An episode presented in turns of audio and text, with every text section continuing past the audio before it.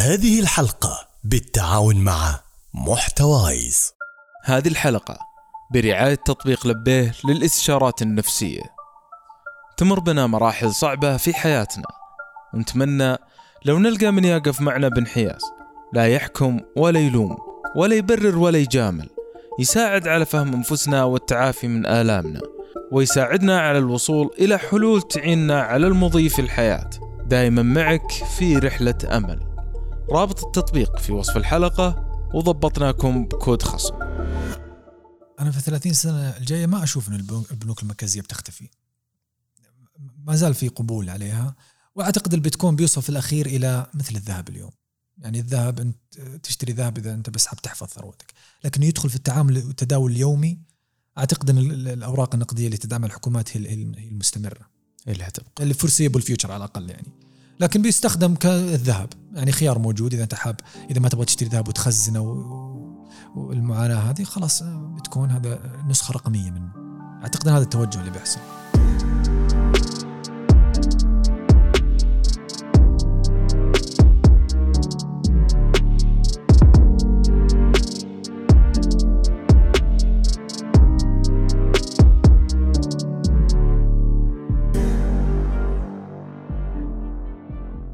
أهلا. حياكم الله في حلقة جديدة من ترند بودكاست. آه عودة آه بعد غياب طويل. آه من دون مقدمات واعتذارات لكن آه اللي يدورنا موجودين إحنا في تمهير. وحقيقة أنا يعني أنا أحرص جدا على انتقاء المواضيع آه اللي أحس إنها رائعة وجميلة ورشيقة ومتنوعة وقد تفيد الجميع وتمس حياتهم. آه، قبل ما نبدأ في الحلقة آه، طبعا هذا الموسم آه، قارب على ال- الانتهاء يعني يمكن حلقة حلقتين باقي فيه. وراح إن شاء الله ننتقل على البرنامج الجديد اللي هو تحول واعتبروا هذا إعلام مبدئي إن شاء الله راح نظهر فيه بالصوت والصورة مع قادة التحول في المملكة. فخلوكم قريبين منا إن شاء الله حنعلن عنه قريب وتمهير مستمر زي ما هو إن شاء الله بشكل أسبوعي.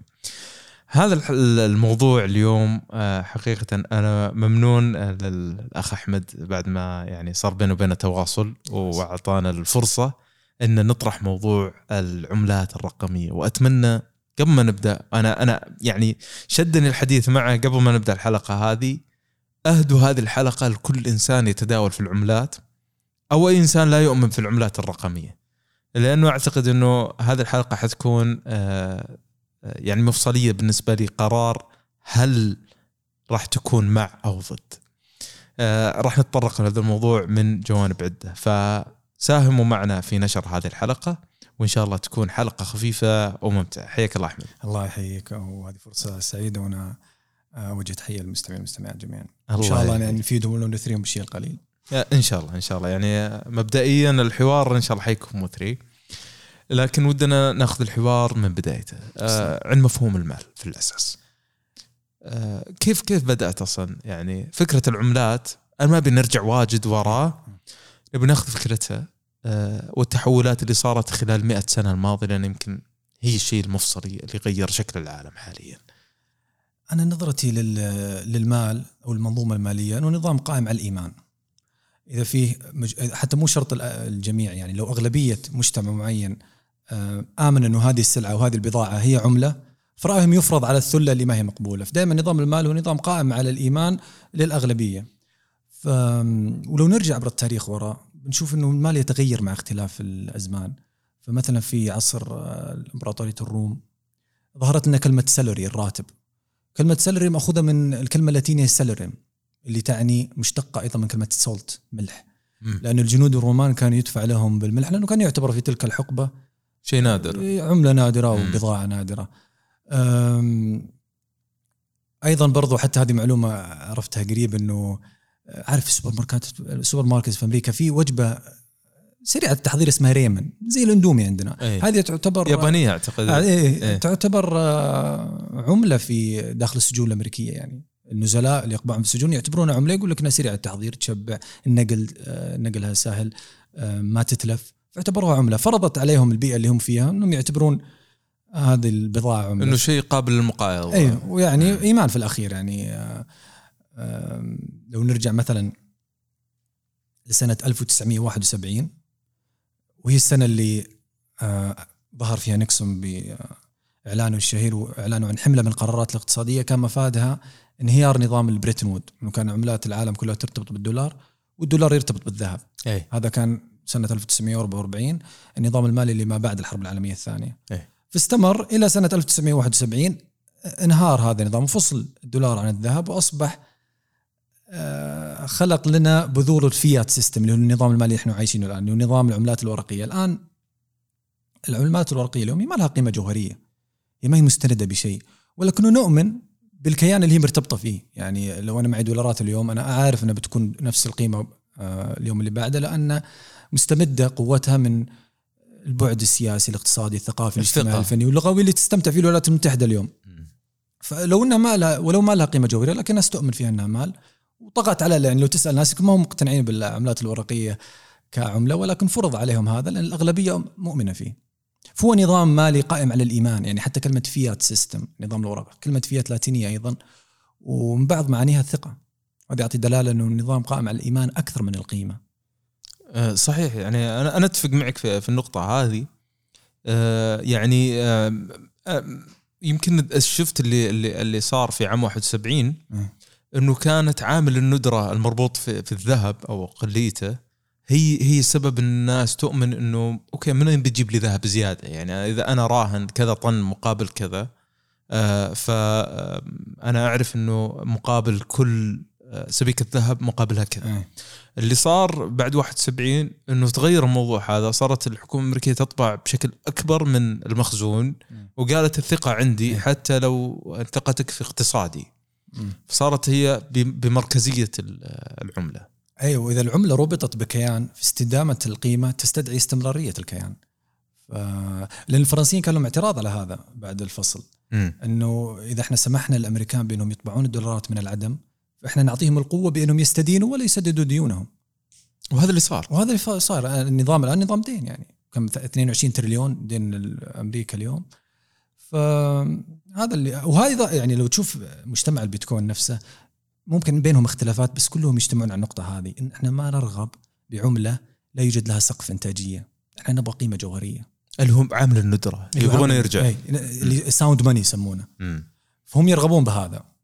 شوف في اختلاف كثير في تشق- تشقق في عالم الكريبتو كل واحد يميل لعملة معينة لكن كلهم يرجعون لمبدأ إنه نرغب بالندرة طيب خل خلينا نجي شوي بس إيه، الكريبتو إيه. إيه آه، بس هو أنا لأني أبغى أسس كذا قاعدة عشان ننطلق منها إحنا والمستمعين نفهم بالضبط النظام المالي وش قائم عليه. آه، يعني آه، إلى إلى كورونا العام الماضي آه، طبعت الحكومة الأمريكية تريليونات وأعطتها كإعانة لي يعني الطابعة كان شغال ما توقف. المبلغ اللي يطبع مقابله إيش؟ ما في شيء. هواء زين؟ مقابله نثق فيني. آه ولن ولن تسمحوا أنتم إني أنا أنهار لأني أنا إذا أنهرت الجميع حينهار. كلكم مربوطين فيني وكلكم ف فهي يعني موقفه العالم على عود كبريت. إذا طحت أنا كلكم بتطيحون معي. آه قبلها بحبة آه برجع. آه كيف كان طريقة يعني التقنيه حلت كثير من مشاكل العالم؟ لكن وش كان دور التقنية سابقا؟ كيف كان يتم تداول العملات التحويلات؟ آه ثم آه التقنية من عام التسعينات إلى قبل ال cryptocurrency بيومين. وش كانت الطريقة؟ وش تعتقد أنت ال- ال- الخطوة اللي بعدها صارت يعني؟ أنا أشوف يوم التقنية دخلت في المال سهلت التعامل لكن ما غيرت الأساس. يعني السياسة المالية هي نفسها ما تغيرت ولكنه سهلوا علينا. يعني أنا ما أدري يمكن أنت أكبر مني وتعرف إنه يوم نزل يعني في الأيام اللي تنزل فيها الرواتب كانوا الناس يضطرون يروحون البنوك صح. يسحبوا رواتب. فالآن آه، المال سهل صار فيه يعني convenience صار في سهولة في التعامل لكن كسياسة مالية هذه ما مست مثلا نظام ال SWIFT لو بنتكلم عن نظام ال SWIFT كبداية التقنيه وتكلمنا في مقال عن هذا الموضوع ان نظام ال SWIFT يستخدم تقنية من الستينات من قبل حتى ما تطلع بذور الإنترنت. اللي يسمونه ال batch computing وتكلمت عنه إنه رسائل. أنا أرسل رسائل بين البنوك وفي ما يسمونه بال nostro account إنه كل بنك مثلا بنك في السعوديه عنده حساب في أمريكا فيه دولارات. لما أنا أحول يكون في تواصل اولا فقط ما تمثل معالجات. وإذا وصل للبنك اللي أنا أرغب إني أرسل له المال وصلت ال- ال- ال- الرسالة يبدأ يحول بنكي من حسابه اللي فيه دولارات أمريكية جاهزة. فحتى يوم دخلت التقنية ما دخلت في المعالجة المالية لا دخلت في سهولة التواصل. آه. فتحس إنه كسياسه ماليه هذه ما نر- ما ما أعتقد إنه في تخوف منها تمس يعني. إيه. يمكن هو تقريبا أبطأ قطاع موجود من القطاعات اللي هو القطاع المالي في بالنسبة لاستخدام يعني أنت لو تقارن حتى في مثلا في التواصل في في نقل بيانات كلها لحظية. لكن المال لا ياخذ ياخذ ثلاث أربع أيام. يعني أنا أحول دولي كثير وأعاني صراحة. مم. ما لا لا تحول خميس لأن كل ويكند ما حد بيعالج فتحس انه ما يتوافق مع العصر اللي إحنا نعيش فيه عصر السرعة في التواصل والبيانات لكن ما هو في المال أي مم. آه، وفعلا يعني شوف كل الناس اللي يشتغلون في الفنتك وكذا ما زالوا يعني يعانون من من البنوك إيه. وأنظمتها يعني انها فتحس إنه الموضوع دامه في المال فإحنا متخوفين من التغيير الجذري إيه. نغير التواصل نغير آه، الفيزا يكون في نقل بالأرقام بس النقل الفعلي الفعلي ما, أنح- ما أعتقد تتصور إنه في تخوف لأنه أنت المنظ... إذا إذا انت لعبت في المال فانت تلعب في المنظومة كاملة. إيه تمام. طيب خل... آه، أعتقد إنه قطاع نشاط جيد أسسنا فكرة الوضع الحالي. الآن بنأسس يعني أتمنى المستمعين شوي يصبرون معانا وبعدين حندخل في الأكشن يعني. آه، أبغاك تتكلم لنا عن اللي هو ال- آه، البلوك تشين أو. إيه إيش فكرتها أصلا؟ ومتى بدأت. واستخداماتها الحالية.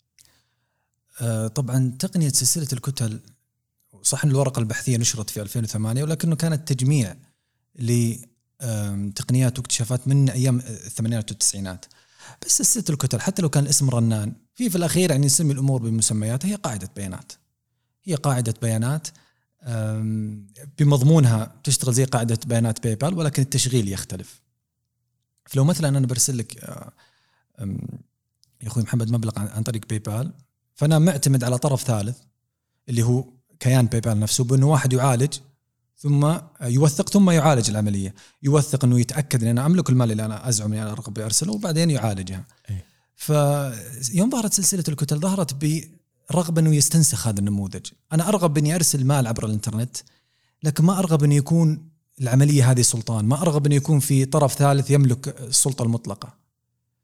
قال طيب إذا أنت تبغى تشغل قاعدة بيانات لكن ما يكون عندك مسؤول لها فأنت تحتاج موارد كهربية تحتاج طاقة حوسبية تحتاج مساحات تخزينية فهذه كيف توفرها؟ مو هذا هذا هذه فائده الطرف الثالث إنه يعني باي بال أنت ما تشيل هم الأمور التقنية أنت بس م. تستخدم منتجنا في الأخير أنت المنتج فقال لك خلاص أنا بخلي الأفراد نفسهم المجتمع هو اللي يشغل قاعدة البيانات آه، تبعه فلو مثلا آه، أنا بضطرني أتكلم بيتكوين شوي لأن هي جت مع بعض يعني. فسلسلة الكتل إنه آه، هو هو أول تطبيقاتها كان البيتكوين. اي لأن البيتكوين هو ما هو عملة هو عملة ونظام مدفوعات واثنين في واحد. وهذه جديدة لأن مثلا باي بال نظام مدفوعات لكن عملة الدولار كيانين مختلفة. مدى مثلا شبكة مدفوعات الريال كيانين مختلفة لكن يوم ظهر بيتكوين ظهر بعملة ونظام مدفوعات. أوكي هنا نقطة. يعني أقدر أستخدم ال- البلوك تشين مع الريال عادي.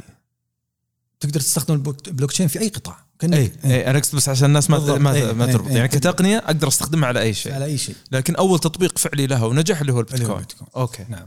تفضل.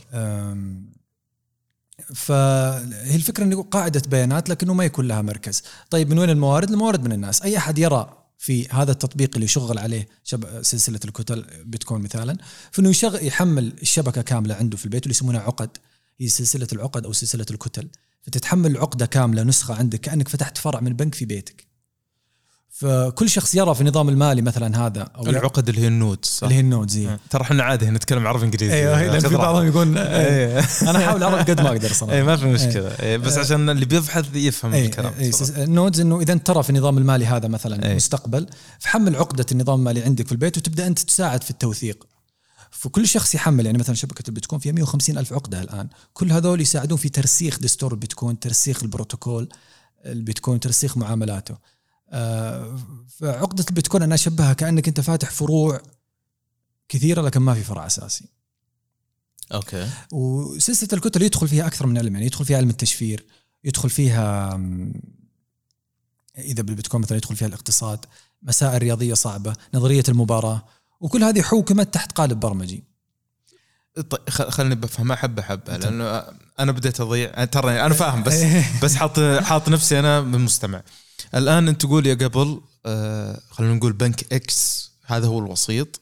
أنا أروح لمه أوثق عمليه التحويل أعطيه المبلغ وياخذ رسوم مقابلها مقابل عملية التحويل صح؟ ممتاز.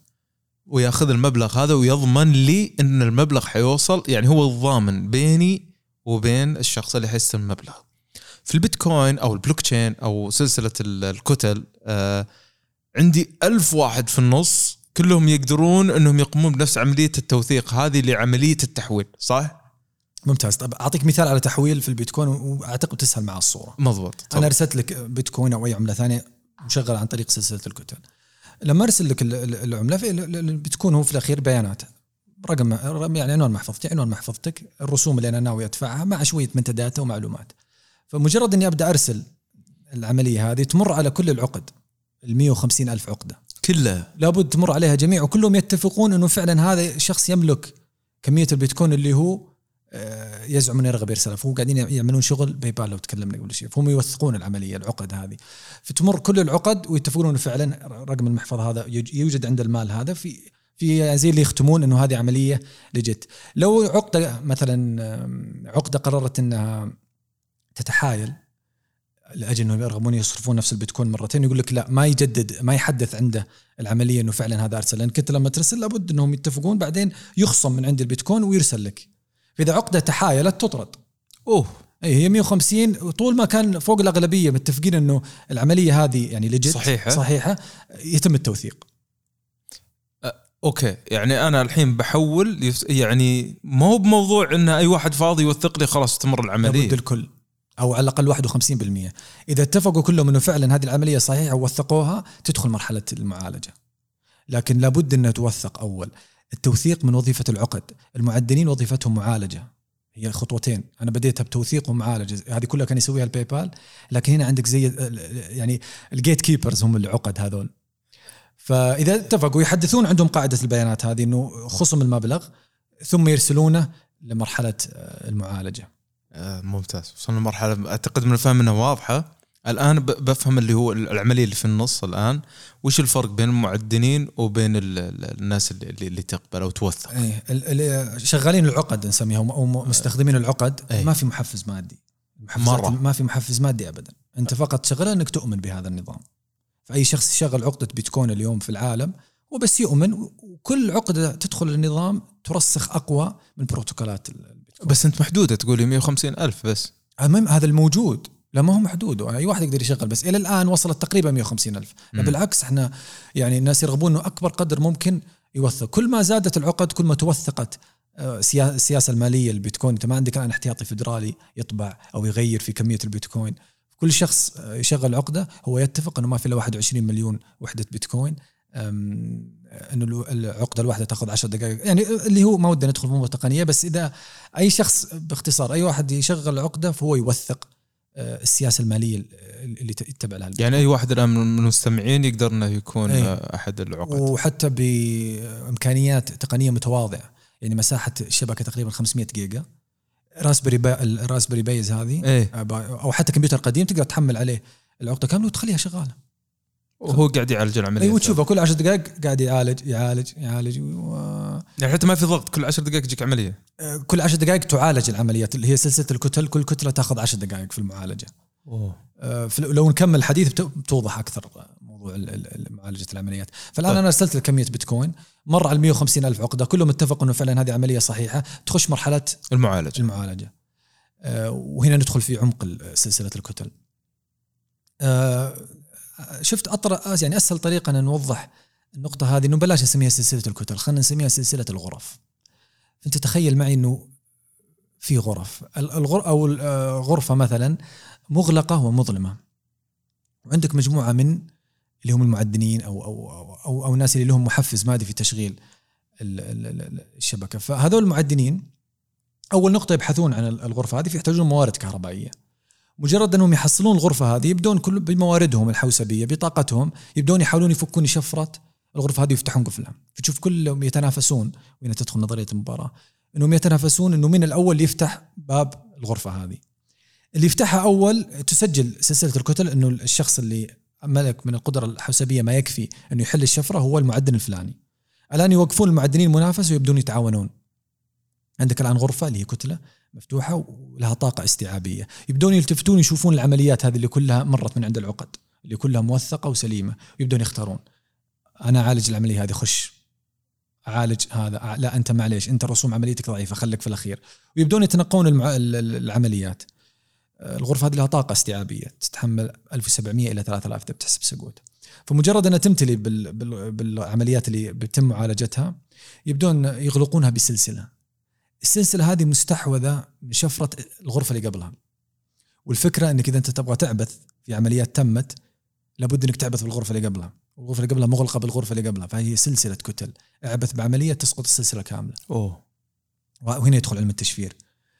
آه نعم يعالجون العمليات كاملة يوثقون بعدين يبدون يدورون غرفة ثانية يحاولون يحلون مسائلها ويدخلون يبدون كهذا. وش فكرة حل ال يستنسخ فكرة صعوبة إنتاج الذهب. أنا أبغى أستنسخ صعوبة تعدين الذهب بس بشكل رقمي دخل فيها مسائل رياضية. إنه كل ما صعبت كل ما احتجت موارد أكثر كل ما صنعت ندرة. هو استنسخ الذهب كأنه تعدين الذهب القرن ال21 هذه الفكرة هذه فكرة المسائل الرياضية وصعوبة المنافسة إني أبغى أصنع ندرة رقمية. وكم كم غرفة من الغرف هذه تحتاج حتى تعالج عملية واحدة؟ والله الحين في 600 ألف يعني سلسلة الكتل الآن 680 ألف غرفة عولجت ووثقت ويتم إلى ما لا نهاية. يعبونها تمتلي يسكرون يدورون غرفة ثانية يعالجون ويتنافسون. وهذا هنا هنا يدخل المحفز المادي. لأني أنا قلت في البداية إنه إذا أحد اللي كان الأول في حل المسائل الرياضية وتم المعالجة تبدأ شبكة تكافئه بستة وربع بتكون بالضبط اللي هو مليون ريال تقريبا وهنا المحفز المادي اللي يخليه يعدن يعدن ففي كل ما يبحثون عن غرفة يبدون يعالجون يبدون يحلون مسائل رياضية اللي يحلها أول يكسب. هذا فيه هنا روح منافسة إني أنا أرغب باني اكون الأول في إني أحسن في إني احل المسائل فأحتاج آه، مزرعة تعدين أكبر أحتاج طاقة أكثر. عشان كذا دائما نشوفهم يشترون أجهزة التعدين من أول ما تنزل لأن كل واحد يبغى ينافس بطاقة الحوسبية عشان يحصل على المكافأة. يكون أول واحد يوصل. إيه؟ واللي أعرف أنا إنه يعني آه، ما هو مسألة صعوبة مسألة كثر ما هو عدد عمليات مهول. يعني آه، تحتاج إنك تجرب كثير تجرب كثير لحد إيه؟ ما تحل. إيه ما تحل بالضبط. إيه. يعني هي صعبة بس انها قابلة للحل. والفكرة إني أنا ما أبغى ما أبغاها تجيك بسهولة لأجل آه مو بأي أحد. اي لأجل أصنع ندرة. أي ما حد يقدر يعدن الآن. الآن التعدين يعني industry صار mining industry 300 مليون مزارع منتشرة حول العالم. نعم. بس أنا عشان بس يكون الكلام واضح لأن يوم قلت قلت آه، يدخل في سلسلة كتل الاقتصاد ونظرية مباراة وتشفير ومسائل رياضية. في المسائل الرياضيه قلنا عرفناها صنعنا منها ندرة. التشفير اللي هو السلسلة تكون مغلقة بالسلسلة اللي قبلها لأجل ما حد يقدر يعبث في العمليات. آه، الاقتصاد واقصد فيه ستة وربع. ليش ستة وربع؟ هذا العدد ثابت. وهو يمكن السبب هذا هو أحد الأسباب اللي حببت الناس البيتكوين ووجدوا فيه القيمة الجوهرية اللي كنا نتكلم عنها. م. لأنه من أول ما ظهرت الشبكة في 2009 كان أي شخص يقدر يعدن وإذا عدن أو عالج ياخذ 50 بيتكوين. يعني بسهولة بعشر دقائق بس بأي جهاز يعدن. في كل أربع سنوات تزيد الصعوبة وتقل الكمية إلى النصف. مم. كل أربع سنوات أو 210 كتله يتم تعدينها تلقائيا كذا تقسم المحفز إلى النص وتصعب العمليات. اللي كان يقدر يعدن 2009 ما يقدر يعدن 2013 2016 فالآن مرت الشبكة بثلاث تقسيمات. 2013 2016 و 2020 50 25 12 6 ونص. لو ترجع من الرسم البياني وتشوف الرسم البياني البيتكوين بتشوف إنه بعد كل عملية تقسيم يصير في شيء اسمه supply shock بعدها بست شهور يرتفع البيتكوين ارتفاع دراماتيكي. ولو ترجع مثلا 2016 في نوفمبر 2016 انقسم من 25 إلى 12 م. من بعدها بست شهور في ديسمبر صار الارتفاع إلى 20000 ثم نزل نزول حاد ويكون في العادة أعلى من ما قبل يعني كان 3000 بعدين 20000 بعدين نزل 6 وجلس على 6000 تقريبا ثلاث سنوات. م. صار الانقسام في ماي 2020 بعدها في ديسمبر ارتفع من جديد ل 20000 وصل ل 60 ونزل. فدائما بعد كل انقسام يصير في يعني آه، عرض وطلب يعني. فيزيد العرض ويقل الطلب. يرتفع السعر. فالآن الانقسام القادم في 2024 أوكي. بعد متوقعين يعني إذا إذا إحنا ما طبعا ما نقدر نتنبأ إحنا نستعين بالمستقبل نتنبأ بالماضي ولكن لما تلاحظ إنه بعد كل انقسام في ارتفاع بالسعر فأين دخل الاقتصاد في الموضوع؟ إني أنا أبغى أصنع ندرة فأقلل الكمية. آه ممتاز جدا. طيب خ- خ- الآن ال- ك- كسلاسل آه الفكرة منها إنه ربط آه التسلسل ال- ال- ال- اللي هو آه، انتقال العملة من شخص إلى شخص هذا كله موثق. كدست يعني موجود في ال database إنه اليوم الفلاني أنا بعت لك الشيء الفلاني. وهذا موثق ومستنسخ على 150 آه، ألف node على على مستوى العالم. آه، ال... هنا نجي موضوع إنه ما في أحد يملك البيانات هذه يقدر يتحكم فيها ولا يعدل فيها. وبنفس الوقت آه، فيه ضامن. العالم كله ضامن لك العملية. بالضبط اي انت أنت تثق بأفراد ما تثق بمؤسسات. هنا هنا يجي أعتقد الخلل اللي الناس آه، متخوفين يعني منه. متخوفين منه. إيه. يعني إحنا ثقتنا الآن إنه في حكومة معينة اللي هي ضامنة لي ال- ال- ال- العملة اللي نتعامل فيها. الآن وش يضمني هناك؟ بنفس الوقت الناس اللي قاعدة تتداول في العملات الرقمية يقول إيش يضمني بذي الحكومات هذه؟ بكرة لو آه انضرب عندهم اقتصادهم ولا صارت عندهم حرب حتقع عملتهم. نفس الشيء. فوين النظرية اللي انت تتبناها هنا وتشوف انها أقرب لل- للمصداقية؟ آه، مجتمع البيتكوين دائما يستشهد بالتضخم المفرط مش التضخم العادي صح التضخم العادي وصل 5% لأول مرة من 13 سنة بس إنه تعايشنا معه نوعا ما.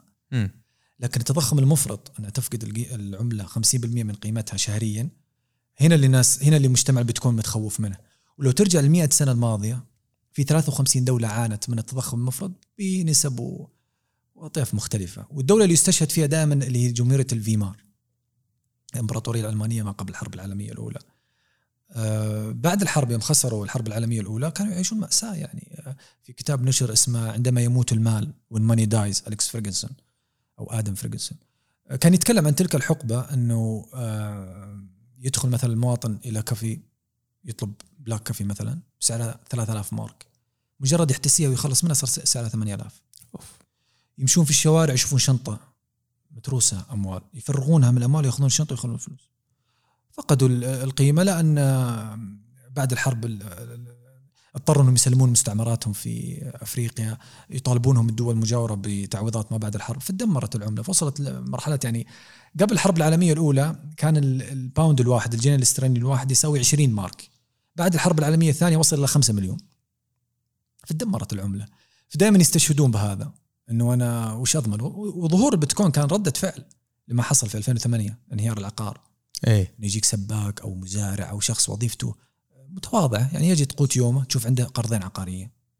تقول كيف يعني؟ كيف البنك اعطاك قرضين؟ هذا يعني حمل كثير عليك. أنت دخلك لا يتوافق مع هذا والبنوك تدري إنه إنه ما يقدر يسدد. لكن معليش إحنا نعطيهم قروض نجمع القروض ونبيعها as CDOs ال collateralized debt obligations وحققوا ملايين ال- البنوك من هذه وإحنا ندري إنهم ما راحوا. يوم وصل سوق العقار فترة إنه ما حد قدر يسدد ال- ال- المورجز اللي عليهم انهار السوق.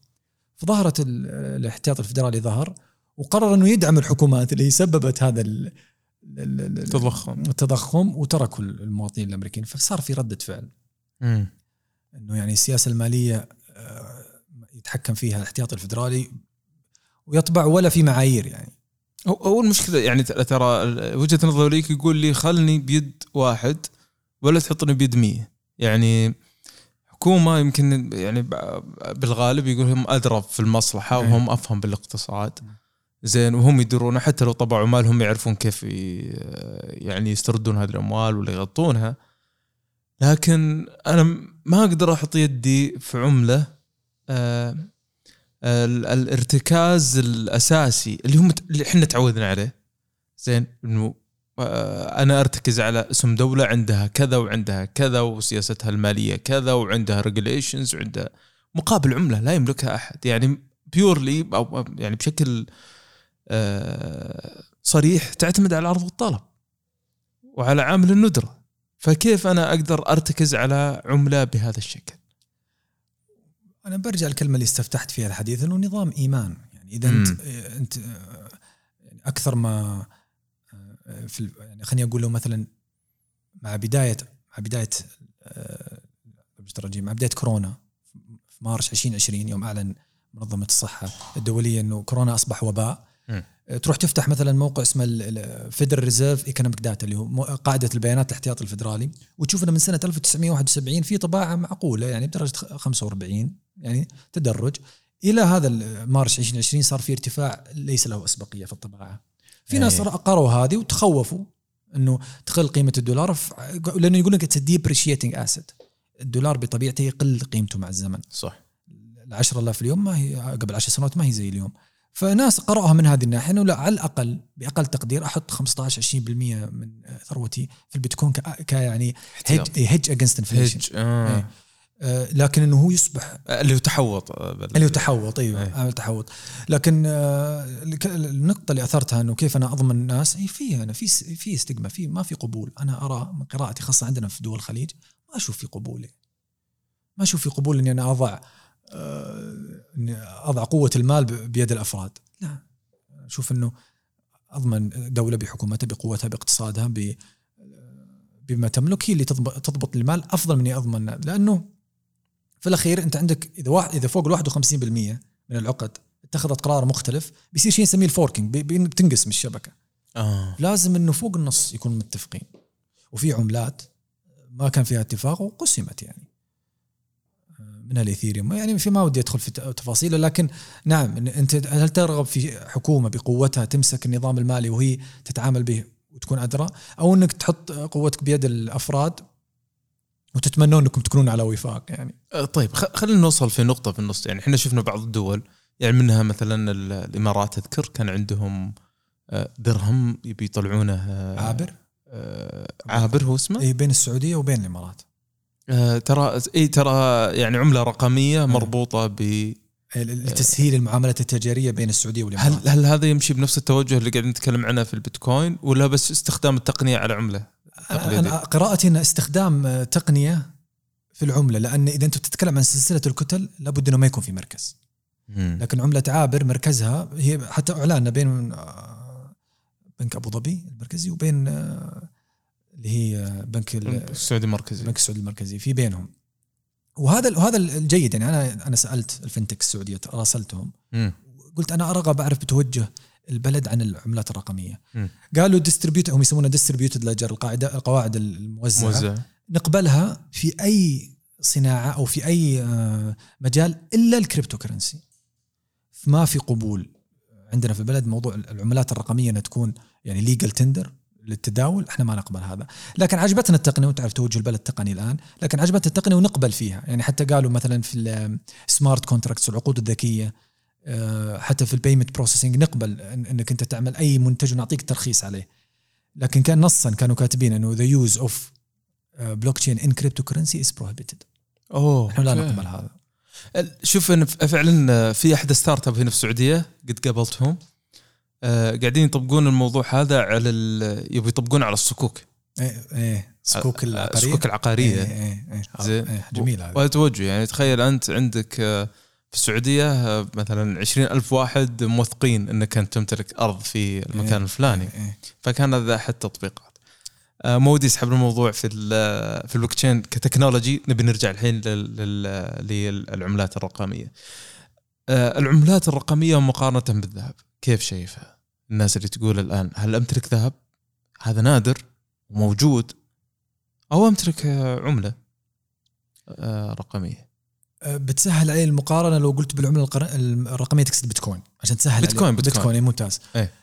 آه، خل خلينا نتفق نقول عملة الآن بيتكوين. بيتكوين. إيه، هي الأم. تفضل. تمام. ما أقدر أعطيك جواب واضح لأنه في خلاف. التقنية ما زالت جديدة ونحن لسنا على وفاق. يعني هل البيتكوين يعتبر ملاذ آمن أو عملة للتداول؟ قال لك إذا أنت تبغى تعتبره ملاذ آمن فهو يستوفي كل شروط الذهب من وجود قيمة جوهرية وندرة وصعوبة في الإنتاج.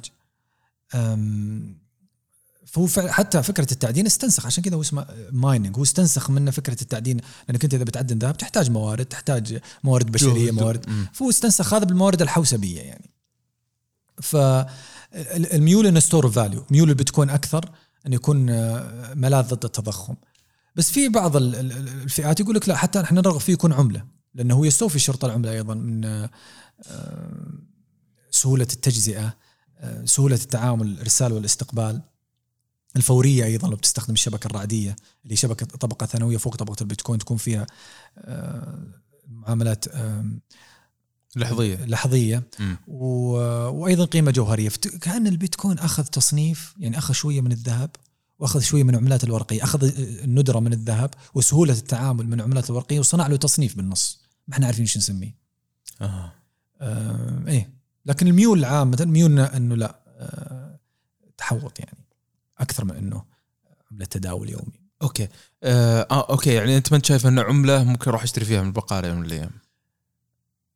والله السلفادور يعني في أمريكا الوسطى عملوا هذا. قالوا إحنا البيتكوين عندنا بتكون عملة للتداول وبيعيدون تسعيرة البلد على البيتكوين. أوه. لكن ما أدري. أنا أشوف إنه الميول. اي أشوف الميول يكون إنه ملاذ أو حتى استثمار أكثر من إنه عملة تداول. لأنه في الأخير أنت في بلد والبلد يعني لابد إنه يلزم مواطنيه بعملته. أنا ليش أجيب عملة من برا أمشي فيها البلد يعني؟ خاصة إحنا عندنا في دول الخليج نملك موارد نملك هذا. ما إحنا مضطرين نلجأ لل موضوع سيادي يعني. اي ما إحنا مضطرين نلجأ للبيتكوين يعني وإحنا عندنا مواردنا و حتى بعد لو انهار الدولار إحنا نملك موارد نقدر آه fine بس ترى الناس اللي تربط ذي تقول أنتم أصلا يعني أنتم مثلا كالسعوديه كدول الخليج رابطين أنفسكم بالدولار. ليش ما تربط نفسك في عملة زي كذا؟ أمس والله شفت مقطع عن الموضوع هذا إنه إيه. إنه ليش ما على الأقل سله سله عملات زي زي الكويت أو إنه ليش إحنا الآن ملتزمين بالدولار؟ لأنه النفط مسعر بالدولار لأنه بترو دولار يعني فخلنا نقول وهذه أحد السيناريوهات إذا بنقول كيف البيتكوين ينجح لو مثلا من أنهار الدولار يعني هل مم. هل بيكون توجه البلد إنه يبحث عن عملة أخرى ويربطها بالدولار أو إنه يربط عملته نفسها أو إنه يستخدم ملاذ أه، ماله وسيط. مثلا يعني في بعض المحللين يعتقدون إنه البيتكوين بيوصل مرحلة الملاذ الآمن إذا قررت الدول المصنعة أو المنتجة للنفط بأنها تربط سعر النفط بالبيتكوين امم هذا أحد السيناريوهات اللي هم يتمنونها. أنا ما أعتقد إنها ما أعتقد إن ما أعتقد، الا. اذا بيصير مصيبة في أمريكا ممكن الناس يعني تسوي شفت أيوة، وهذا سؤال إنه إذا صار إذا الدولار ما عاد أصبح بالقوة اللي هو فيها اليوم إيش بيكون التوجه؟ البترو دولار هو اللي محرك العالم الآن ما تدري يعني خصوصا مع بعد مع الطاقة البديلة ممكن يكون في إيه. يعني توجه آخر بس إحنا بس على الموضوع إحنا في دول الخليج أشوف إنه طول ما عندنا سلعة لها ندرة فما ما ينطبق علينا الخوف اللي يعانون منه الدول الأخرى إيه يعني إيه أتفق أتفق يعني ما إحنا ما أنت بحاجة ما إيه. وصلت مرحلة الاحتياج لكن جيد إنك تمتلك جزء إيه. من كم إحنا 5% أعتقد من اقتصاد ال- أعتقد إنه 5% من تصدير النفط يطلع من السعودية أظن تقريبا يعني إحنا عندنا الجزء الأكبر. طيب ال- الآن إحنا تكلمنا عن البيتكوين أبغى أتكلم عن العملات الأخرى. يعني كل يومين طالع عملة جديدة. وش قصتها هذه؟ وليش طلعت بالحجم هذا والكميات هذه؟ وليش الناس قاعدة تراهن عليها مثل ما هم قاعدين يراهنون على البيتكوين؟ إيه، إذا البيتكوين الآن قيمته السوقية تقريبا وصلت الدولار 40% تقريبا هو من السوق و20 الإيثيريوم والباقي. اللي أعتقد اللي الموجود في البيتكوين وصعب يستنسخ في أي عملة ثانية إن البيتكوين ما له وجه. ما له موقع رسمي. يعني بيتكوين dot com هذا ما هذا يتبع الواحد ما يدعم البيتكوين يدعم بيتكوين بنسخة أخرى. حتى بيتكوين dot org هذا تبع ال community فما في وجه اختفى الشخص اللي صنع العملة وما في موقع. فهذا أعطاها ندرة الذهب إنه ما في وجه له هذا اللي محبب الناس فيه. لكن لو تمسك الإيثيريوم وأنت نازل تقول لي أي عملة بقول لك إنه لهم على الأقل يا organization يا foundation وفي شخص هو المسؤول. يعني الإيثيريوم هذا الروسي الفيتاليك بيوترين غير في كود الإيثيريوم ولا أربع مرات. غير فيها آه. كيفما يشاء وعنده الحين foundation ايثيريوم foundation وجالسين وطبعا ما فيه آه، سقف ما في hard cap لل ايثيريوم آه. صح إنه يحرق لكنه ما في هذا. يعني أنت لو تقول لي بعد سنتين في الشهر الفلاني في اليوم الفلاني كم كمية البيتكوين أقدر أقول لك بس ايثيريوم ما أقدر. فكله حتى كاردانو تشارلز هوسكينسون وعندهم Input Output organization فكل العملات هذه كأنها شركات وعملتهم دي كأنها سهم بس هم ما يعترفون إنها سهم ما يعترفون إنها security وهذا اللي داخله فيه ريبل الآن. مم. ريبل متهمه ان عملتها security كأنها سوق أسهم يعني ما هي. فاللي محبب الناس في البيتكوين إنه ما ما له وجه. لكن مو معناته إن باقي العملات ما لها قيمة. يعني مثلا مشكلة البيتكوين إنه زي شيء rigid كذا ثابت كود ما يتغير فما في عقود ذكية. بس تو تو نزل لها update صح؟ م- من اللي حدثه يعني إذا كان إحنا ما له قبيل ما له قبيل في البيتكوين ولا ما في وجه له ولا في منظمة تقوده من اللي قاعد يحدث الأكواد؟ من ينزل ال release حقته؟ طبعا في مبرمجين هم اللي يعني بلوك ستريم أحد الشركات وظفت كبرية مبرمجي البيتكوين ويبدون هم يطرحون هذه يعني زي تحديث التابروت هذا اللي بيدخل العقود الذكية. يطرحون هذا التحديث ويشوفون إذا المعالجين كلهم حدثوا فوق ال 51% حدثوا خلاص يرسخ. وهذا اللي حصل. يعني صار في من بعد 2016 صار في مشاكل في موضوع تحديث البيتكوين. ما تحدث من 2016 آه، يمكن دخل عليه السيجويت بس كانت التحديثات قليلة. فاول اتفاق كان في تابروت هذا التحديث اللي حصل قريب وفوق ال 51% عطوا زي ال signal إنهم موافقين على هذا التحديث فحصل. من فإحنا من ال 150 ألف. من اي من من من المشغلين. فأي شخص يسوي update معناته إنه قبل التحديث الجديد. okay. يعني ممكن أي منظمة اول شيء تقترح أي update لكن بشرط إنه يقبلون فيه ال ال الأطراف جميعا. أي على أو, أو 51% بالضبط على الجيت هاب اللي كنا نقوله في شيء يسمونه BIP اللي هو البيتكوين بيتكوين proposal أو اختصار ناسي. إنه هذا عندك أي proposal عندك أي اقتراح إنك تبغى تطور بيتكوين حط اقتراحك وإحنا نقرأ الكود. وإذا اتفقنا عليه واتفقوا فوق ال 51% يرسخ يعني. فنعم لكن الايثيريوم لا تحس إنه فيتاليك هو هو هو صاحب القرار الأول والأخير. آه okay. رجعنا لمشكله المركزيه إيه. اللي إحنا أصلا أنت هارب منها بالضبط بالضبط. وعندك ايثيريوم مثلا وكاردانو توجه واحد. يعني قاعدين نفس نفس الفكرة. ترى يعني يا احمد أكثر شيء يعني أنت مبسوط أنت تقول يعني وأنا أنا مشارك كان رجل تقني فأفهم. آه انه إنه ما له وجه. هذا شيء ممتاز. لكن الناس قلقة. إنه تقول طيب من اللي أسس البيتكوين وراح؟ حتى في نظريات إنه الذكاء الصناعي هو اللي سواه وما أدري إيش و... إيه. هل أنت شايف إنه ليش ليش مرتاح لهذا التوجه؟ ما أنت قلق يعني؟ أنا عندي قلق أنا ما أعرف هذا البيتكوين ما أعرف يعني هل بي هل بيستمر هل بينجح؟ يعني الحين الصين band ت التعدين والتعامل بالعملات شو اللي يمنع باقي الدول إنها تعمل مثل هذا؟ فأنا لا عندي قلق ولا أني يعني ولا أرغب إني أكون مؤمن 100% بالأخص عندنا في البلد ما في قبول يعني على مستوى أفراد وحكومة أنا أشوف إنه ما في قبول للموضوع ال cryptocurrency ال blockchain ممتاز لكن الكريبتو ما له تقول. فأنا ما أعتقد اني إني بكون آه، حالم إنه هذا هذا النظام المال الجديد وإحنا لابد إنه نتبناه. لا ما أدري يعني. لكن آه، النقطة اللي بثيرها إنه آه، إنه ظهور البيتكوين كان ردة فعل. يعني لو ترجع لأول بداية كود البيتكوين رسخت فيه خبر موجود في الجريدة أنه البنك البريطاني آه، يبي يطبع دولارات أكثر لينقذ البنوك البريطانية. فكأنه جاب ردة فعل. فردة الفعل هذه يجعل الناس يطمنون هذا واحد منا. عانى مثل ما إحنا عانينا فقرر إنه يطرح فكرة والفكرة هذه اليوم تسوى تريليون دولار يعني. أي. بس أنا شفت آه، توجه برا أكثر من إنه عندنا. لأنهم عانوا يعني إحنا في 2008 هل كان فيه لأنه في 2008 طردوا الناس من بيوتهم وما ودعموا البنوك. بس إحنا ما أعتقد مرينا بنفس هذه المعاناة. فتشوف عاطفيين أكثر بالخارج. إي لا إحنا يعني طبعا إحنا جزء من هذا العالم يعني. أي شيء يصير عندهم يعكس علينا بشكل أو بآخر. آه لكن آه يعني كلها يمكن أكبر أزمة تأثرنا فيها اللي هي كورونا لأنها مستنا بشكل مباشر. لكن ما تأثرنا بحكم إنه يعني اقتصاد الرأي أحيانا يعني آه، إنك تمتلك سلعة نادرة هذا يعطيك قوة إنك تكافح هذه هذه الأشياء. والمركزية أحيانا جيدة يعني إنه في بنك قوي إيه، والريجليشنز فيجنب كثير من من هذه الأزمات. لذلك يمكن هم آه، شديدين على أساس انه يمكن تشددهم هذا أثبت وجهة نظرهم في كثير من الأزمات إنه فعلا فادهم هذا التحفظ يعني. أضمن إنك يعني تتعامل مع شخص ولا تتعامل مع كيان ولا تتعامل مع اطراف كثيرة. اي بالضبط.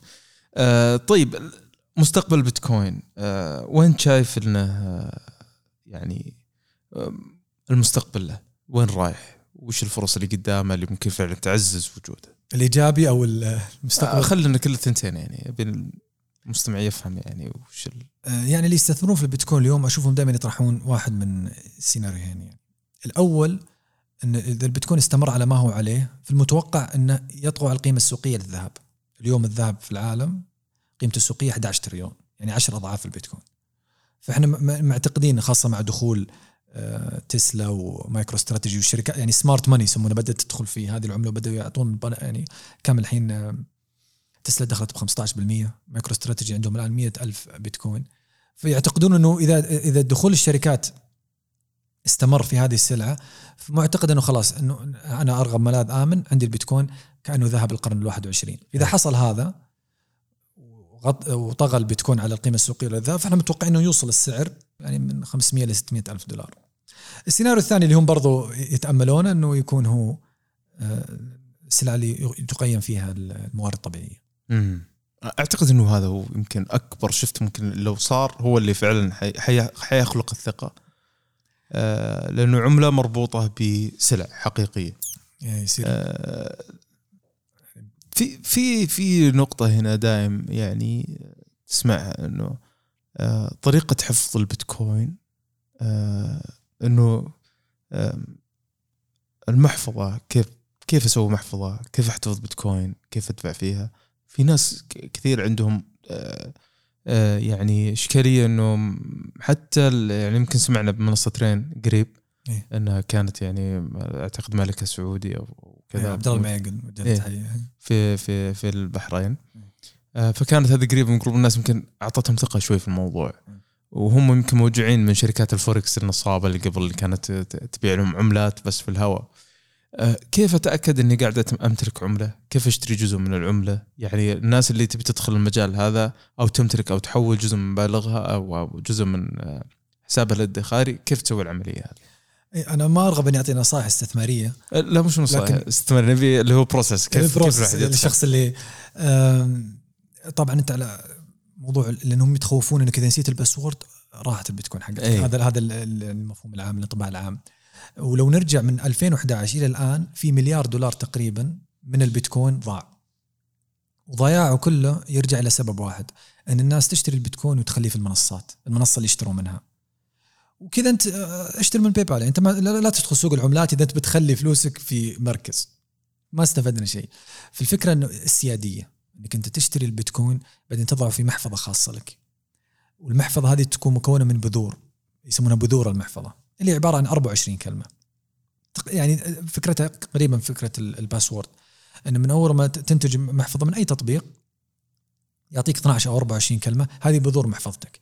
إذا ضاع جوالك آه، دمرت المحفظة نفسها أو طلعوا من السوق تقدر من أي موقع أي تطبيق بيتكوين تحط استعادة تحط ال 24 كلمة وترجع لك مالك كما تركته.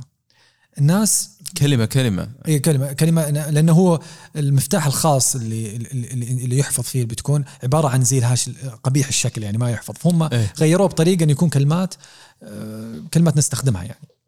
آه okay. اي يعني آه، دور كذا 24 كلمة و وعلى اساسها تكون هذه ال 24 كلمة هي مالك. مم. في ناس يسجلونها بأوراق بعضهم ينحتونها على حديد ويحفظونها. يعني تفننوا في حفظها لأن هي مالك وما في خدمة عملاء ما في طريقة تستعيد فيها أموالك إذا ضاعت ال 24 كلمة هذه. فالناس آه، تتخوف تضع أموالها في منصة وإذا اخترقت المنصة راحت أموالهم. إي. ففي في نوع من السياديه ومسؤولية أنت تكون مسؤول الأول والاخير عن أموالك. يعني هذه الشركات الوساطة إيه هذه بس فقط توفر لك طريقة أنك تشتري ولا تبيع. بالضبط. إذا امتلكتها عندك في المحفظة تقدر تحفظ هذه المحف... آه، المبلغ اللي أنت عندك على على هيئة آه، code. code. تحفظه عندك. والكود هذا مجرد إنك تنشئه يعني زي يسوي يقفل لك المبلغ هذا عندك ك package إيه. ومحفوظ في الرقم السري هذا عندك خلاص. بالضبط. ولا عاد المنصة هذه تعرف عن المبلغ هذا أي شيء. ولا لهم أي مسؤولية عليه. وتقدر تستعيده في أي محفظة أخرى وتكمل. أي محفظة بتكون. عندك آلاف منها اضغط استعادة حط ال 24 كلمة تحمل ترجع لك مبالغك. ضاعت الكلمات ضاعت أموالك. الآن في قصة طلعت عن عن شخص ألماني آه، كان عنده 7000 بيتكوين أعتقد مبلغ كبير. وكان مكتوب في الإعلام إنه آه، باقي له محاولة واحدة اذا إذا جابها غلط ضاعت أمواله. فطلع الألماني هذا أخذ ال 24 كلمة هذه وحطها في قرص تخزيني آه، مشفر بطريقة عسكرية. إنه بعد عشر مرات يتلف القرص يتلف ذاته بذاته. امم ف وفي ناس د- د- داولوها قال شفت أنت خسرت نسيت الباسورد تنسى تضيع أموالك. لكن هو طريقة تخزينه كانت معقدة. أنت ليش تخزنه في قرص ما يعطيك إلا عشر محاولات؟ خزنه بورقة خارجية يعني. فهي طريقة التخزين لابد تكون آمنة بس ما تكون معقدة. اي يعني هذا أنت كأنك حولت المبلغ من إنه شيء digital بشكل سحبتك حفظته عندك أنت ملاذ آمن بعيدا عن الهاكرز بعيدا عن الاختراقات. بعيدا عن أيادي المنصات بعيدا عن. كل شيء.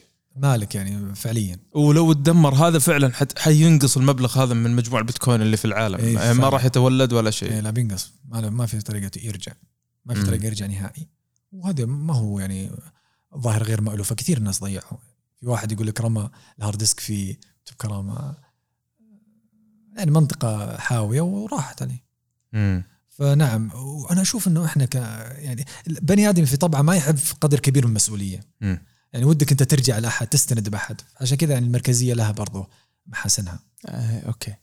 آه، طيب خلينا ال- ال- الآن بسأل سؤال عن إنه بما إنه هي الأفراد يقدرون يتداولونها ليش يحتاج أنا ل وسطاء شركات وساطه إني عشان أشتري وأبيع.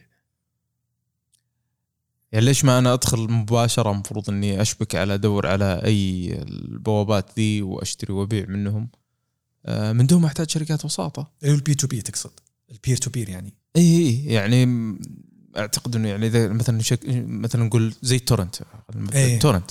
آه، عاد تدري إنه هذا إنك تشتري من أفراد مباشرة أغلى من آه، المنصات. والناس راضينهم يدفعون أغلى ولا يلجؤون المنصات لأنك أنت إذا شريت بتكون من منصة هو آه، مربوط فيها هويتك لأنك أنت ما تقدر تشتري وتبيع إلا إذا وثقت. لازم تعطيهم مستندات حكومية. فالناس ما يرغبون بهذا يقول أنا أوثق. بعدين آه، بيشوفون معاملاتي كلها في الشبكة بيربطون محفظة البيتكوين الخاصة فيني بمعلوماتي. مم. وكذا أوقعوا في ناس كثير اللي كانوا يدخلون البيتكوين في عمليات مشبوهة. في الناس يلجؤون لل peer to peer هذه وفي لها مواقع كثيرة. تشتري من فرد على طول ويظهر آه، إنه حوالة مادية عادية. في عندك ال peer to peer في ال- ال- المعدنة حديثا البيتكوين اللي عدنوه وينباع في السوق. هذا برضه ينباع بقيمة عالية جدا. 20% فوق سعر السوق. ليش؟ آه لما في history إيه خالي. أنا ما أرغب بيتكوين لها تاريخ في السوق السوداء مثلا. اي مع ما لك علاقة أنت فيها أصلا يعني. إيه الشركات يفضلون المعدن حديثا. وفي برضو آه، مقال إنهم يدفعون 20% فوق سعر السوق عشان يأخذون بيتكوين محدث يعني معدن حديثا على محافظهم على طول. طيب آه، هنا نقطة مهمة. يعني كانوا الناس يقولون آه، من من أفضل النقاط الموجودة في البيتكوين إنه غير قابل للتتبع أنا بنتكلم عن اشاعات غير قابل للتتبع وإنه حتى ممكن يستخدم في أي عمليات غير شرعية. أي. ف وش هل هذه شائعة ولا حقيقة يعني؟ يعني أنا كتبت مقال بالموضوع هذا واستطردت الحديث بمثالين حصلوا. أن ال- البيتكوين ما هو 100% مجهول. صحيح عنوان المحفظة مجهول لكنك أنت يعني أنا بعطيك مثال. إذا إحنا مثلا كنا مثلا تحت كوبري أو في مكان ما حد ما حد ما في أعين ما في ما في شهود عيان وعملنا إجراء عملية حو أو عملية تداول بالكاش هذه عملية غامضة 100% إذا. ما كان في شخص شهدها فما حد آه، يقدر يدعي إن هذه العملية حصلت. لكن بتكون- يثبتها إيه. إيه لكن بتكون مختلف أنت كل شيء عندك موجود في الشبكة. فاذا مثلا شريت بيتكوين من منصه أقدر أنا أتبعك وين ما تودي هذا البيتكوين أقدر أتبع. في طريقة إنه بيتكوين laundering بس إني أنا أقدر أتبعك على الشبكة. فأعطي مثال ب- بأشهر. طبعا أول ما ظهر بيتكوين أول استخدام له كان في السوق السوداء. في آه، منصة في ال dark web اسمها طريق الحرير. Silk Road. هذا شخص جمع فكرة ال Tor اللي هو متصفح ال Tor اللي تدخل من ال dark web وجمع فيها البيتكوين. وطلع منصة سماها ال Silk Road مستحدث إنه اسم الطريق التجاري على أساس إنه يكون في بيع وشراء خارج منظومة ال- الحكومة. و- ونجح نجاح هائل هذه المنصة. ولكنهم أوقعوا فيه الشخص اللي أسس المنصة لأنهم تبعوا اتبعوا آه، استطاعوا أنهم يحصلون ال server اللي كان مشغل للمنصة ومن ال server عرفوا رقم حسابه وبدأوا يتبعونه لين أسقطوا فيه هو وصاحبه التقني اللي كان يدير الأمور التقنية. صاحبه التقني هذا مسكوه في عام 2018 بعد خمس سنوات من سقوط المنصة. بس ثمان سنوات يتبعونه على الشبكة لين ارتكب الخطأ إنه يكيش يسيل البيتكوين. عشان تسيله تحتاج إنك تعطيه وثائق صادوه في تايلاند. بعد ثمان سنوات من سقوط المنصة. أوكي بس طول طالما هو داخل سلسلة البيتكوين ما حد يعرف من هو. إيه. يعرفون رقم الحساب بس. لين تسيل. امم يعني يا بداية الشراء ولا نهاية ال إيه. آه، فهم يعني يقارنونها بالكاش. إنه لو في الكاش ما حد كان بيدري. أنت معك آه، شنطة كاش ما حد يدري أنت وين. لكن أنت تحت المراقبة في الشبكة حتى لو إن عنوان ما هو واضح أنت مصيرك تتعامل مع منصة آه، مرخصة وبتعطيهم بيانات خاصة فيك وبنقدر نكشف هويتك. طيب هل هل هذه يعني هل هي صلاحية فقط عند الحكومات تتبع ال- العمله أو أي أحد يقدر يعرف ال history حق ال- الشبكة مكشوفة للجميع. لكن لو مثلا استخدم هذا الشخص اللي هم يرغبون يعرفون منه استخدم منصة مرخصة أكيد إنه لابد جهات حكومية هي اللي تطلب معلومات. لأنه كل المنصات المحترمة الآن لابد إنك ما تبيع وتشتري أو تسيل بالأخص إلا لما تعطينا معلومات. أنت من؟ إيه. بس بختمها بأرقام. إنه آه، قريت عنها مقال. إنه نسبة استخدام العملات الرقمية في العمليات المشبوهة 0.5% آه مرة قليل. نص مقارنة, بالمية يعني. مقارنة بالكاش. مم. ناسي والله الكاش كم بس إنه 0.5 لأنهم يخافون من التتبع ال- الدائم. الكاش دائما يظل أفضل. إيه شيله بجيبك وعطى ذاك إيه. بيد بيد يعني وخلاص تنتهي إيه. الموضوع. بس لأنه بدأ في المنصة سوق سوداء فصار زي stigma يعني. إيه، طيب. شفنا إحنا توجه الفترة الماضية شركات مثل تسلا شركات تقنية. وش كان الدافع عندهم؟ إنهم يحولون جزء يعني حتى كان آه، وهذا كان يعني شيء غريب. أول شيء قال أوكي الآن يمديكم تشترون يعني إحنا نتكلم عن عملات رقميه دائما نتكلم عن البيتكوين نتكلم عن إيلون ماسك. يعني هو يمكن أكبر من أكبر الناس اللي حتى يعني إذا كتب تغريدة ممكن ينزل لك العملة ويرفعها. آه، أعلنوا إنه تقدرون تستطيعون إنكم تشترون آه، سيارة تسلا عن طريق ال- بالبيتكوين. حول جزء من سيولة شركة تسلا إلى إلى بيتكوين. ثم بعدها فجأة أعلن إنه وقف دعم تسلا بسبب الطاقة. وش سالفتها مع البيئة؟ ليش دائما مقرونة البيتكوين مع البيئة؟ أتكلم شوي عن تسلا. تفضل. لأن تسلا فيها عليها الكلام. اولا آه، إيلون ماسك من قبل ما يعلن عن الشراء تقريبا قبلها بسنتين كان يتواصل مع شخص اسمه مايكل سلاير سايلر. وكان يملك م- شركة اسمها مايكرو استراتيجي ودخل فيها مئة ألف. يملك مئة ألف بيتكوين دخل تقريبا ب 2 مليار. فهذا شخص رجل أعمال مؤمن جدا في البيتكوين. في تغريدات تشوفها في تويتر مواصلات بين إيلون ماسك وبين مايكل إنه كيف البيتكوين؟ طيب موضوعه بالبيئة. صار له سنتين يسأل عن ال- ال- السلعة هذه بعدين أعلن. يعني هو ما ما استعجل. مم. الآن نظريا ليش أعلنت؟ بعد بأربع شهور سحبت. وتدعي ان المشكلة البيئة. وشخص مثلك. أكيد إنه يعرف آه، مداخل ومخارج البيتكوين. أنت ما راح تحط مليار ونص بعدين تستوعب إنها مضرة للبيئة. فالسبب بالقراءه يعني العامة إن تسلا كشركة متعثرة.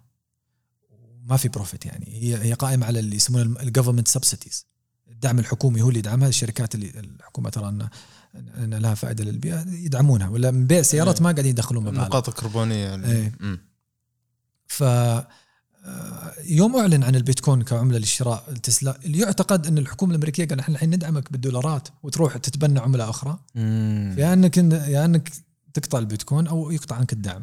في الأخير شركة يعني حط دم روحه فيها. فيعتقد إنه سحب الدعم هو عشان البيئة ولا الاسباب يعني آه، سياسية. سياسية أكثر. بوليتكس يعني. إي ولا أنت ولا أنت تدري. أنت تدري إن 70% أو على الأقل فوق النص بالمية من البيت القوه اللي تستخدم في البيتكوين طاقة متجددة. وهنا في في كلام اذا إذا بتسمح لي استفسر تفضل فيه. تفضل تفضل الآن اللي اللي يعملونه إنك أنت لو تشوف الآن الموارد الكهربائية اللي تستخدم لتشغيل شبكة البيتكوين تقريبا 150 آه، تيرا وات تقريبا تستخدم الشبكة. الآن هم يأخذون الرقم هذا ويقارنونه في دول بولندا أو النرويج أو بولندا والنرويج تحت تحت 110 أو حتى تحت ال 100 فيجي تشوف الإعلام إنه البيتكوين يستهلك طاقة أكثر من دول. وهذا ما هو صحيح ولا هو منصف لأن البيتكوين في الأخير ما هو نظام مالي قارنه في قارنه قارنه في القطاع البنكي.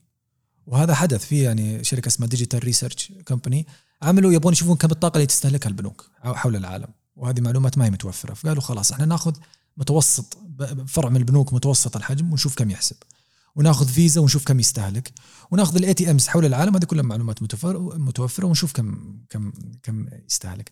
جمعوها في الأخير طلع القطاع البنكي حول العالم يستهلك 250 تيرا وات double أو 40% على الأقل. الذهب أيضا ما هو بريء الذهب 240 قريب. فالآن لو تأخذ ال 250 هذه وتقارنها بدول بتشوف اسبانيا اسبا يعني إسبانيا فرنسا دول أكبر. مم. فلو تقارنه كقطاع بنكي 150 آه، يعني ولا شيء. ولا ولا شيء 40% أقل من غيره. نعم. غير عن كذا فيها في توجه للمعدنين إنهم يستخدمون الطاقة المتجددة أكثر. ما هو حبا في البيئة ولكن في الأخير ال business model حقهم يبون يقللون ال cost فيبون يبحثون على طاقة كهربية أقل. أقل اللي هي ال hydro. إيه. ال hydro electricity هي الأرخص. و لأن هم يبغون يبعدون أنت عارف الوقود الأحفوري الفحم أسواها. ويحاولون يبعدون عنه بعدين البترول بعدين ال- الغاز. ال natural gas إيوه إيه. فهم يعني في شركات تدعم ال natural gas اسمها Upstream في كندا تسوي لك مزرعة بتكون كاملة قائمة على ال natural gas والأغلب في بحث يقول لك 70% يستخدمون طاقة متجددة. وايلون ماسك يعرف هذا ولكن الموضوع واقف وهو. لعبته أصلا يعني طاقه متجددة والبطاريات إيه، ذا إيه. يعني يقدر إنه. و- وظهر بعدين وقال أنا مؤمن بالبيتكوين طلع له نقاش قال أنا مؤمن بس ما أنت عارف بعدين يست... راح ينفخ بال Dogecoin ما أنت عارف يعني زي ال Dogecoin هذه طلع لنا فيها م- إيه ف- ما. تعرف توجه لكن الأكيد إنه الموضوع ما هو بيئي لأنك أنت تعرف توجه البيئة مم. والبيئة من الأمور اللي هي قائمة عليك ال business model تبعك يا ايلون ماسك وقائم على هذا فأكيد إن عندك علم ولكن البيتكوين ما هو بالسوء الناس يتوقعونه آه، بما يخص البيئة يعني. آه، توجه أكثر وأكثر يكون للمتجددة. ولا هو بعد يعني آه، ذاك يعني الشيء الواضح 100% اللي الواحد يقدر إنه يغامر فيه. لكن هو أعتقد إنه أنا الحين بقول لك وجهة نظري إنه الخطه باء لل- للاقتصاد العالمي لو لا سمح الله صار أي شيء إنه يكون في عملة محايدة بين الجميع وممكن يكون لها مشتقاتها اللي البيتكوين يعني؟ البيتكوين. هذا المجتمع هو اللي يقرر يعني أنت ما أنت عارف. بالاخير نظام إيمان يعني. اي يعني أنا أنا أشبهها في يعني في ال open source مثلا في في الأنظمة.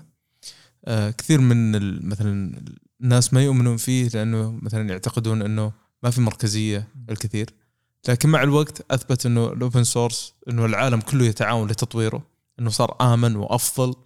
وحتى تفوق على الشركات لدرجة إنه مثلا شركات مثل مايكروسوفت مثل ذا آه، فتحت مصادر ال source code أو ال- ال- الشفرة المصدرية إيه. لكثير من تطبيقاتها للمجتمع البرمجي قالت أرجوكم تعالوا خلونا نتعاون لتطوير هذا الشيء. ف بس أنت قلتها مجتمع برمجي. إحنا. نتكلم عن المواطن البسيط. هل ينظر لهذه؟ لأنك أنت في الأخير تتكلم عن مال. مال أشتغل 40 ساعة في الأسبوع أنا أبغى أضمن ما ما أكسب آه، لا المجتمع البرمجي هو اللي ساهم في التحسين إيه. زين إيه. فطلع لي شيء أفضل فخرجنا عن مركزية الشركة اللي هي كانت هي الضامن إيه أول لكن المستفيد الأفراد في الأخير من المنتجات اللي تطلع المنتجات الرقمية إنه ممكن هذا يستنسخ على المال تقصد؟ أقصد إنه آه، تجربة ال open source مصادر مفتوحة المصدر في في مجال البرمجيات أشوفها فيها وجه تشابه مع ال- ال cryptocurrency والعملات ال- المشفرة إن يعني قريبا الناس ممكن يوم من الأيام هتقول okay أنتم يا شركات الضامنة. يعني مثلا لما لما آه، في تجارب شركات تقنية open source راح لما تكون تبيع منتجاتها تجي الجهات ذي تقول أنا إيش يضمنّي؟ أنت قاعد تبيع لي شيء مفتوح المصدر يمكن يخترق. يمكن أنت تختفي عن الوجود يوم من الأيام. أنت قاعد تبيع لي شيء ما يملكه فرد يملكه مجتمع. فكيف أنا حضمنك زين؟ فكانت هذه المشكلة. لكن لما نتعاقد مع شركة إكس وواي وزد هذه شركة موجودة وعندها أصولها وقاعدة تطلع لي أنا كل شهر. مع الوقت الآن حتى عندنا توجه الدولة يمكن قبل آه، شهر آه، صدر مجلس الوزراء آه، قرار بخصوص البرمجيات مفتوحة المصدر إنها تكون من الأشياء ال- يعني اللي يستثمر فيها في, في الدولة. آه، هذا التوجه فعلا يعني قلب السوق فوق تحت إنه آه، الم- المجتمعات المطورين أثبتوا إن عملهم أفضل من الشركات وإنه ممكن يعتمد عليه وممكن يصير نفس الشيء. وال auditing ما أنت تخاف منه برضو إن لا ودك أكثر من عين تشوف الكود وتشيك عليه. يعني أعتقد البيتكوين من أكثر الكود اللي صار لها auditing بالضبط. مثل مثل برمجيات مفتوحة المصدر أنت فرق لما يشتغل عليها شركة من 200 مطور لما مجتمع من 10000 ولا 20000 مطور آه، يشتغل عليه. مواهب مختلفة وقدرات آه، طبعا. آه، ترى يعني من القصص الطريفة يمكن شوي نشطف آه، إنه آه، يعني كان فيه آه، أحد البروتوكولات المشهورة الآن حاليا هي كانت يعني مشكلة كبيرة كانت تواجه آه، شركات في الشبكات. آه، والله الناس هي الناس هي ال HTTP أو يعني بروتوكول معروف من الأشياء المعروفة الان عندنا متعامل فيها. آه، فحلها واحد مبرمج هاوي يعني شافها بسيطة حلها ونزل ذي وهذه كانت موقفه شركات العالم كلها إنه ما هي عارفة تطلع بروتوكول تتكلم آه، الأجهزة مع بعضها بطريقة سلسة IPFS آه، ماني ذاكر بالضبط يعني ممكن أنا أشير لك فيها في تويتر لو, لو لقيتها. لأنه ال HTTP هو قائم على ال location based وال IPFS content based أعتقد انه يعني يستنسخون ال torrent على الويب آه،؟ اعتقد أعتقد حاجة زي كذا إيه، أعتقد. حاجة زي كذا إذا أنت تقصد حلها لهم يعني المجتمع اللي حلها ما هو بشركات إيه. فال contribution أو التعاون هذا اللي قاعد يصير في المجتمعات البرمجية خلق بيئة آمنة أكثر من الشركات نفسها وخلى الشركات نفسها تدخل في المجال هذا وتدعم إيه. تدعم هذه المجتمعات يعني. في ال- في البلوك تشين له علاقه بالبلوك تشين أنا أتكلم عن البلوك تشين إنه قد تكون يوم من الأيام تنقلب الآية آه. إنه الدول تشوف إنه هذه المجتمعات اللي تساهم في عمليات التعدين والضمان إيه؟ إنها تدعمهم بحيث إنهم يضمنون العملات كلها بطريقة أنا ليش يا دولة أقعد تخلي العالم كله توثق العم- العمل هذا يخفون علينا الضغط إيه. بس أقصد البروتوكول اللي تتكلم عنه اللي يحاول يكون بديل ل H له علاقة بالبلوك تشين لا لا هي نفس ال HTTP نفسها. نفسه، هذه إيه. هي أعتقد إن ال HTTP نفسها إذا ماني واهم أو تقنية ثانية آه، كان ما في بروتوكول واضح بالشبكة إنه كيف الأجهزة تتكلم مع بعضها وشخص فرد كذا ما له علاقة هو اللي حلها ما أدري وين لقاها يعني وحل المشكلة هذه وبعدين تبنتها الشركات مرة ثانية. إيه، إذا بنتكلم عن تطبيق البلوك تشين خارج منظومة المال فقدامك فتحت طاري ال HTTP هو آه، بس إذا المستمع حاب يعرف إنه ال HTTP هو قائم على ال- لما تحط رابط وتضغط okay تحول ال IP يروح إلى server معين ويسحب لك. صحيح. آه، فظهرت ب- عن طريق البلوك تشين ظهر بروتوكول ينافس ال HTTP اسمه ال IPFS ال InterPlanetary File System وقال لك فكرة إنه بدل ما يكون يعني مثلا لو عندك ألف شخص ودائما يحصلنا لما أنت مثلا يفتح تقديم في موقع معين يصير في ضغط على الموقع هذا. إيه. لأنه كل شخص أنا لازم أعالج دخول الموقع على حدة. ال IPFS قائمة على مش على الموقع على المحتوى. في يصير لما أنت مثلا تفتح عندك صورة مثلا وأنا أطلبها منك ما يحتاج أن أروح أكلم server أكلمك أنت تعطيني أنت الصورة. الصورة أنا أعطيها الثاني والثالث والرابع. في يصير إحنا عملنا زي الشبكه بين بعض. الصورة عندك وإحنا كلنا استفدنا منها بدل ما يكون في server نضغطه. إيه. وهذا اللي يسمونه slash Slashdot effect موقع Slashdot قبل تويتر كان موقع أخبار. كان ي... كان ال traffic فيه عالي فكان يحط مواقع بسيطة فكانت تطفى المواقع هذه لأن الضغط كله تحول عليه. مم. ف TP أنا ما أعتقد إنه مستمر وهذا بلوك تشين لها تطبيق حتى حتى ال domains يعني حقت المواقع الآن طلع لها بعد نفس الشيء إيوه إيه. مدى العمر إيه، مدى العمر إيه. تشتغل كانه وخلاص إيه كأنه عملة بس يبي لها متصفحات خاصة إيه. هو هي تعمل على ال IPFS برضه okay ما نبي نسحب المستمعين إيه، طلعنا. إيه. طيب ال- هل بيتكوين استثمار مقامرة؟ هو تقريبا 2 مليار من المال ينقل على البيتكوين يوميا 40% وجد إنه يستخدم في الجامبلينج والمقامره يعني. في الوقت الحالي هو صار كأنه سوق أسهم ينزل ويطلع. لكن أعتقد لما يثقل مثل ثقل الذهب يبدأ يعني أنت ما تسمع عن أحد يأخذ الذهب استثمار يأخذه ملاذ. فإذا البيتكوين بدأ يتطور وصل مرحلة من القيمه السوقية العالية بيبدأ يخف التوجه هذا. بس هو أكيد في توجه مضاربة ومقامرة يعني. طيب جميل. آه طيب باخذ أسئلة من آه أنا طرحت تويتر وقلت اللي عنده أسئلة. فمحمد الشراحيل عنده كم سؤال يقول آه من يضمن حقي لو انسرقت فلوسه وتهكرت؟ السؤال الأول. ما حد يضمن حقك أنت مسؤول عن ذاتك. أضمن نفسك. اذا إذا كان يقصد إذا ضاعت محفظته أكيد ما احد منه مسؤول. أما من يضمن القيمة القيمة تخوض العرض والطلب يعني. فعشان كذا يعني أنا الاستثمار دائما النصيحة اللي دائما أحب أقولها ادخل بمال ما- ما, ما راح تسأل عنه خمس ست سنوات قدام. بعيد المدى إيه. طيب يقول كيف الحكومة تتصرف في الاقتصاد إذا هم جزء في الاقتصاد مو تحت سيطرتها هو فكره العملات الرقمية حقيقة إنه تنافس البنوك المركزية مجرد إن في مثلا سلسلة الكتل تستخدم عن لأنه أحيانا بعض البنوك المركزية تعلن إنها بتستخدم البلوك تشين كيف؟ إذا هي قائمة على لا مركزية وأنت مركز. كيف تدخل لا مركزية في مركز؟ ف آه، هو قائم على لا مركزية. هو قائم إنه يكون كيانين مختلفين عن بعض.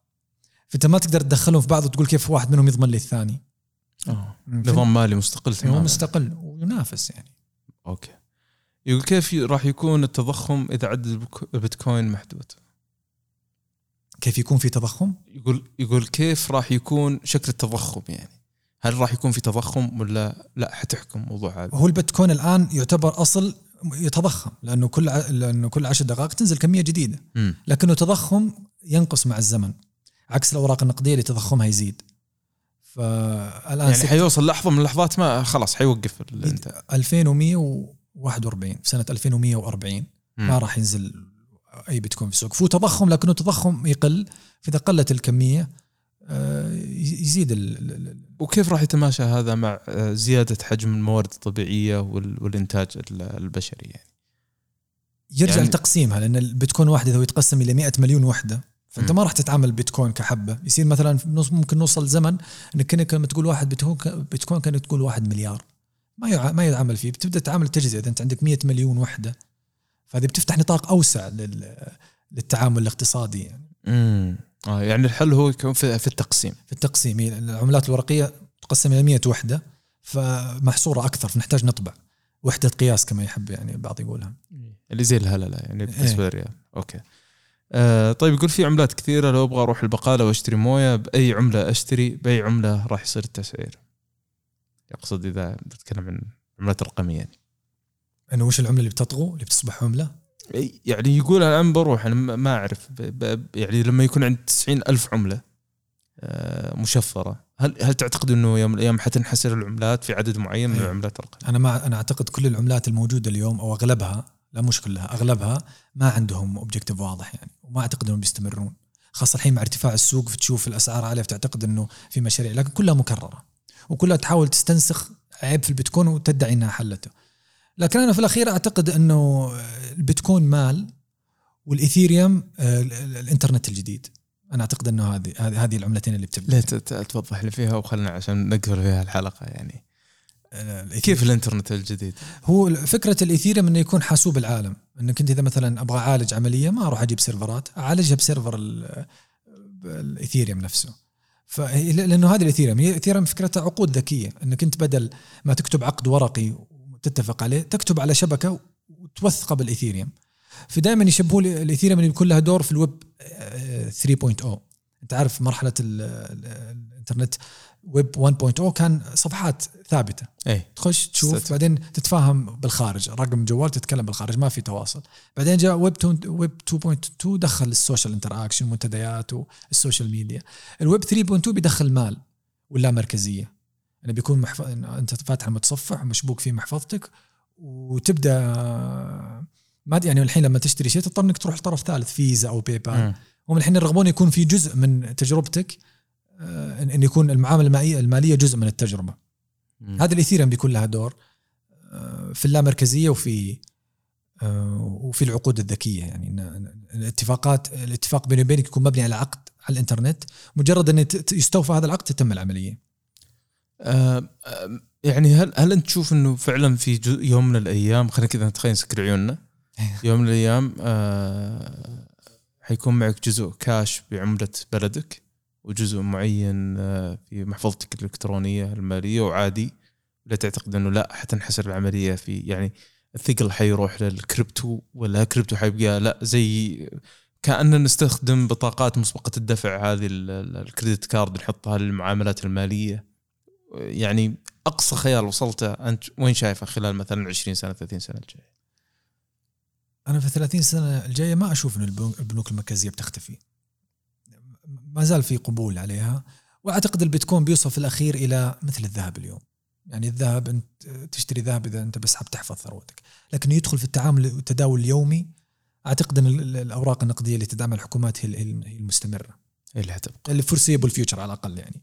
لكن بيستخدم كالذهب. يعني خيار موجود إذا أنت حاب إذا ما تبغى تشتري ذهب وتخزنه و- والمعاناة هذه خلاص بتكون هذا نسخة رقمية منه.